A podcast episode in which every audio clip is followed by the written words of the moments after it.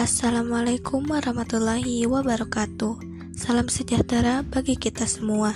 Perkenalkan, nama saya Rizka Amalia dari kelas 2020B. Di sini saya akan memenuhi tugas mata kuliah pengantar ilmu sosial yakni menjelaskan hubungan sejarah dengan ilmu politik.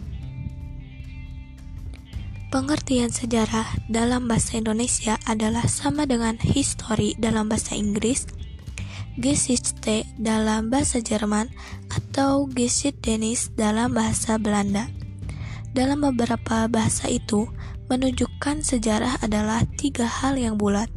Pertama, yaitu kejadian-kejadian peristiwa seluruhnya yang berhubungan dengan nyata di dalam manusia sekitar kita. Yang kedua yaitu cerita yang tersusun secara sistematis dari kejadian-kejadian dan peristiwa umum. Ketiga yaitu ilmu yang bertugas menyelidiki perkembangan negara-negara, peristiwa-peristiwa, dan kejadian lampau. Politik berasal dari bahasa Yunani, yaitu polis yang berarti kota atau negara, dan teta berarti urusan. Ilmu politik adalah ilmu yang mempelajari interaksi antara pemerintah dan masyarakat dalam proses pembuatan dan pelaksanaan keputusan yang mengikat tentang kebaikan bersama. Pada mulanya, politik adalah tulang punggung sejarah, atau politik is the backbone of history. Buku-buku teks sejarah berisi rentetan kejadian-kejadian mengenai raja, negara, bangsa, pemerintah, parlemen, pemberontakan, kelompok-kelompok kepentingan, dan interaksi antara kekuatan-kekuatan itu dalam memperebutkan kekuasaan. Ada ungkapan menurut Sir John Robert Shelley, seorang sejarawan Inggris. History is past politics politik is a present history yang dengan pasti menunjukkan keterkaitan antara politik dan sejarah. Sejarah merupakan alat yang paling penting bagi ilmu politik, oleh karena menyumbang bahan yaitu data dan fakta dari masa lampau untuk dipelajari atau diolah lebih lanjut. Sarjana ilmu politik tidak puas hanya dengan mencatat sejarah saja, tapi ia akan selalu mencoba menemukan dalam sejarah pola-pola tingkah laku politik atau patterns of political behavior yang memungkinkannya untuk dalam batas-batas tertentu menyusun suatu pola perkembangan untuk masa depan dan memberi gambaran bagaimana suatu keadaan dapat diharapkan berkembang dalam keadaan tertentu. Ilmu politik terkait erat dengan sejarah karena pola-pola masa lalu memberikan petunjuk ke masa depan. Tidak ada panduan yang lebih baik untuk memahami masa kini dan memprediksi masa depan selain dengan mempelajari peristiwa-peristiwa di masa lalu dan mengekstrapolasi mereka ke masa depan. Misalnya, ketika para ilmuwan politik mencoba memprediksi arah yang mungkin diambil yang diambil oleh ekonomi politik global. Mereka akan mengandalkan sejarah untuk memprediksi perilaku politik. Sehingga menurut Freeman, sejarah adalah politik masa lalu, sedangkan politik adalah sejarah masa kini. Sekian yang bisa saya sampaikan dan jelaskan. Mohon maaf apabila ada kekurangan. Wabillahi taufiq wal hidayah. Wassalamualaikum warahmatullahi wabarakatuh.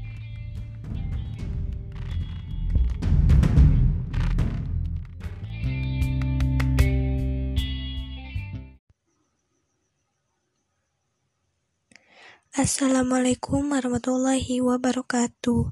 Salam sejahtera bagi kita semua.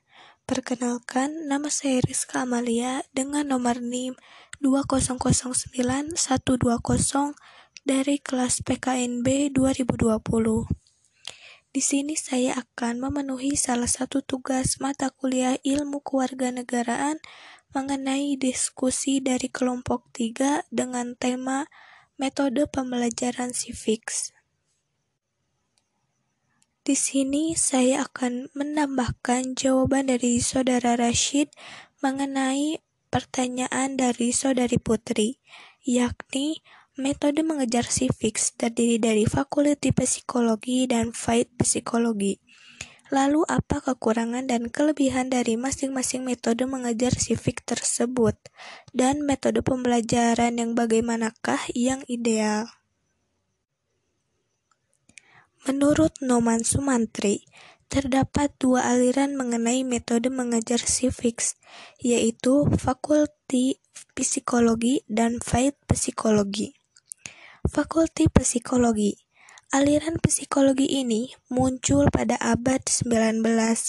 Fakulti Psikologi berpandangan bahwa Karakter warga negara yang dapat dihasilkan dengan melatih siswa berpikir dengan cara menghafal, mengarahkan, dan menasehati mereka secara teratur dengan bahan-bahan yang baik. Namun, banyak pihak yang keberatan terhadap aliran ini, di antaranya Gerakan Civics Education tahun 1901 dan Gerakan Community Civic pada tahun 1907. Keberatan terhadap aliran ini yaitu orang tidak akan menjadi baik dengan jalan dinasehati melulu. Tidak ada kesempatan meneliti atau menyelidiki dan tidak ada kesempatan untuk menilai. Lalu pada tahun 1930 muncullah aliran psikologi Medan atau file psikologi yang beranggapan bahwa mengarah secara doktriner bahan-bahan yang bernilai etika untuk membentuk warga negara yang baik dianggap kurang baik. Karena itu, aliran ini berpendapat bahwa proses belajar yang demokratis dan dinamis dianggap lebih efektif dan akan memperoleh nilai yang sebenarnya. Aliran psikologi ini mendorong metode mengajar civics yang berorientasi pada mendorong partisipasi siswa secara aktif, mempunyai sifat-sifat inquiry, dan pendekatan pemecahan masalah. Menurut Hasibuan, metode mengajar merupakan bagian dari perangkat alat dan cara dalam pelaksanaan suatu strategi belajar mengajar. Metode pembelajaran harus dipilih dan dikembangkan untuk meningkatkan keaktifan dan prestasi belajar peserta didik. Menurut saya, pembelajaran civics yang ideal bisa saja dengan cara menggabungkan kedua model pembelajaran tersebut, karena kedua model pembelajaran tersebut memiliki kekurangan dan kelebihannya masing-masing. Jadi, kenapa tidak menggabungkan keduanya saja agar pembelajaran pun tidak merasa monoton?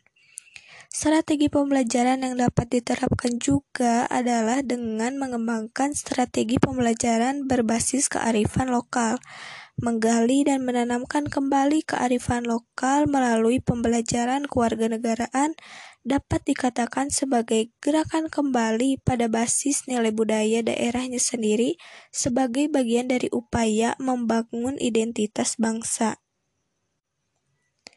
Menciptakan suatu metode pembelajaran yang baik merupakan tugas seorang guru.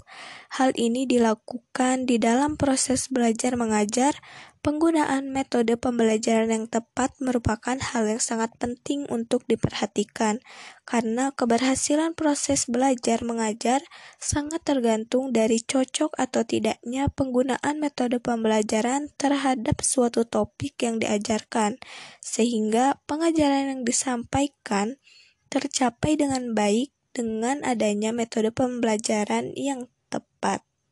Sekian dari saya. Mohon maaf apabila ada kesalahan. Wabillahi taufiq wal hidayah. Wassalamualaikum warahmatullahi wabarakatuh.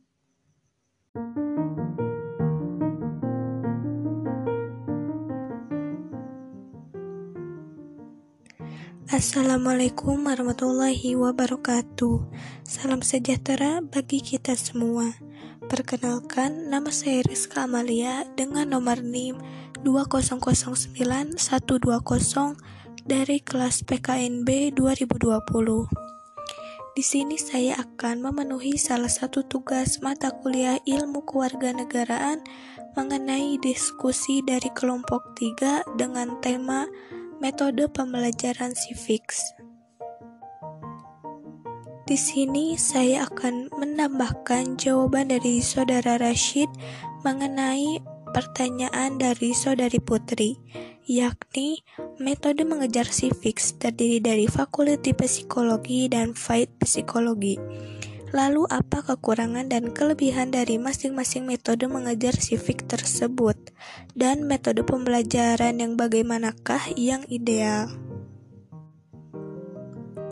Menurut Noman Sumantri, terdapat dua aliran mengenai metode mengajar civics, yaitu Fakulti Psikologi dan Fight Psikologi. Fakulti Psikologi Aliran psikologi ini muncul pada abad 19. Fakulti Psikologi berpandangan bahwa karakter warga negara yang dapat dihasilkan dengan melatih siswa berpikir dengan cara menghafal, mengarahkan, dan menasehati mereka secara teratur dengan bahan-bahan yang baik. Namun, banyak pihak yang keberatan terhadap aliran ini, di antaranya Gerakan Civics Education, tahun 1901 dan Gerakan Community Civic pada tahun 1907. Keberatan terhadap aliran ini yaitu orang tidak akan menjadi baik dengan jalan dinasehati melulu. Tidak ada kesempatan meneliti atau menyelidiki dan tidak ada kesempatan untuk menilai. Lalu pada tahun 1930 muncullah aliran psikologi Medan atau file psikologi yang beranggapan bahwa mengarah secara doktriner bahan-bahan yang bernilai etika untuk membentuk warga negara yang baik dianggap kurang baik. Karena itu, aliran ini berpendapat bahwa proses belajar yang demokratis dan dinamis dianggap lebih efektif dan akan memperoleh nilai yang sebenarnya. Aliran psikologi ini mendorong metode mengajar civics yang berorientasi pada mendorong partisipasi siswa secara aktif, mempunyai sifat-sifat inquiry, dan pendekatan pemecahan masalah. Menurut Hasibuan, metode mengajar merupakan bagian dari perangkat alat dan cara dalam pelaksanaan suatu strategi belajar mengajar. Metode pembelajaran harus dipilih dan dikembangkan untuk meningkatkan keaktifan dan prestasi belajar peserta didik. Menurut saya, pembelajaran civics yang ideal bisa saja dengan cara menggabungkan kedua model pembelajaran tersebut, karena kedua model pembelajaran tersebut memiliki kekurangan dan kelebihannya masing-masing. Jadi, kenapa tidak menggabungkan keduanya saja agar pembelajaran pun tidak merasa monoton? Strategi pembelajaran yang dapat diterapkan juga adalah dengan mengembangkan strategi pembelajaran berbasis kearifan lokal, menggali dan menanamkan kembali kearifan lokal melalui pembelajaran kewarganegaraan dapat dikatakan sebagai gerakan kembali pada basis nilai budaya daerahnya sendiri sebagai bagian dari upaya membangun identitas bangsa. Menciptakan suatu metode pembelajaran yang baik merupakan tugas seorang guru. Hal ini dilakukan di dalam proses belajar mengajar. Penggunaan metode pembelajaran yang tepat merupakan hal yang sangat penting untuk diperhatikan, karena keberhasilan proses belajar mengajar sangat tergantung dari cocok atau tidaknya penggunaan metode pembelajaran terhadap suatu topik yang diajarkan, sehingga pengajaran yang disampaikan tercapai dengan baik dengan adanya metode pembelajaran yang tepat. Sekian dari saya. Mohon maaf apabila ada kesalahan. Wabillahi taufiq wal hidayah. Wassalamualaikum warahmatullahi wabarakatuh.